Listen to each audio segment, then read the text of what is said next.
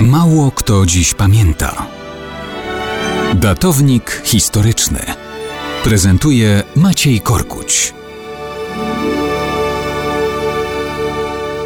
Mało kto dziś pamięta, że Armia Krajowa zajmowała się także wysyłką paczek. W czasach świątecznej paczki czy zbiórek darów kojarzyć się to może z działalnością charytatywną. W tym wypadku jednak byłyby to skojarzenia mimo wszystko błędne. Oto w marcu 1943 roku, a więc równe 80 lat temu, Biuro Badań Technicznych Saperów Komendy Głównej Armii Krajowej, działające pod dowództwem Zbigniewa Lewandowskiego, pseudonim Szyna, rozesłało paczki listami poleconymi. Adresaci? Sami Niemcy a to gubernator warszawski Ludwik Fischer, a to szef Arbeitsamtu i wielu, wielu innych.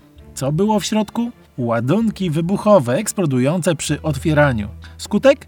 Trochę niemieckich trupów i sporo rannych. No i efekt psychologiczny. Wspomniany Ludwik Fischer raportował – Żyjący tu Niemcy są rozgoryczeni i słusznie skarżą się, że rząd generalnego gubernatorstwa do dziś nie zrobił nic, ażeby zapewnić przynajmniej zaopatrzenie członkom rodzin zamordowanych Niemców oraz tym Niemcom, którzy zostali kalekami po zamachach na nich pilne i konieczne jest ustawowe zapewnienie Niemcom, którzy tu giną w walce bądź zostają ranni, tych samych praw, jakie przysługują żołnierzom Wehrmachtu. Ponieważ większość skierowanych tu Niemców nie jest funkcjonariuszami, lecz urzędnikami, to przy obecnych przepisach prawnych większość ofiar zamachów lub ich bliscy zdani są na doraźną pomoc albo na łaskawy chleb. Fakt, że wywołuje to wśród Niemców powszechne rozgoryczenie, nie wymaga komentarza. Tyle Fischer. Biorąc pod uwagę w znacznym stopniu iluzoryczne rozliczenia niemieckich zbrodni w powojennej RFN,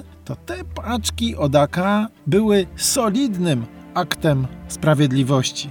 A dodatkowo przypomnieniem, że Niemcy w generalnym gubernatorstwie byli w obcym kraju, który ich nie zapraszał do terroryzowania społeczeństwa.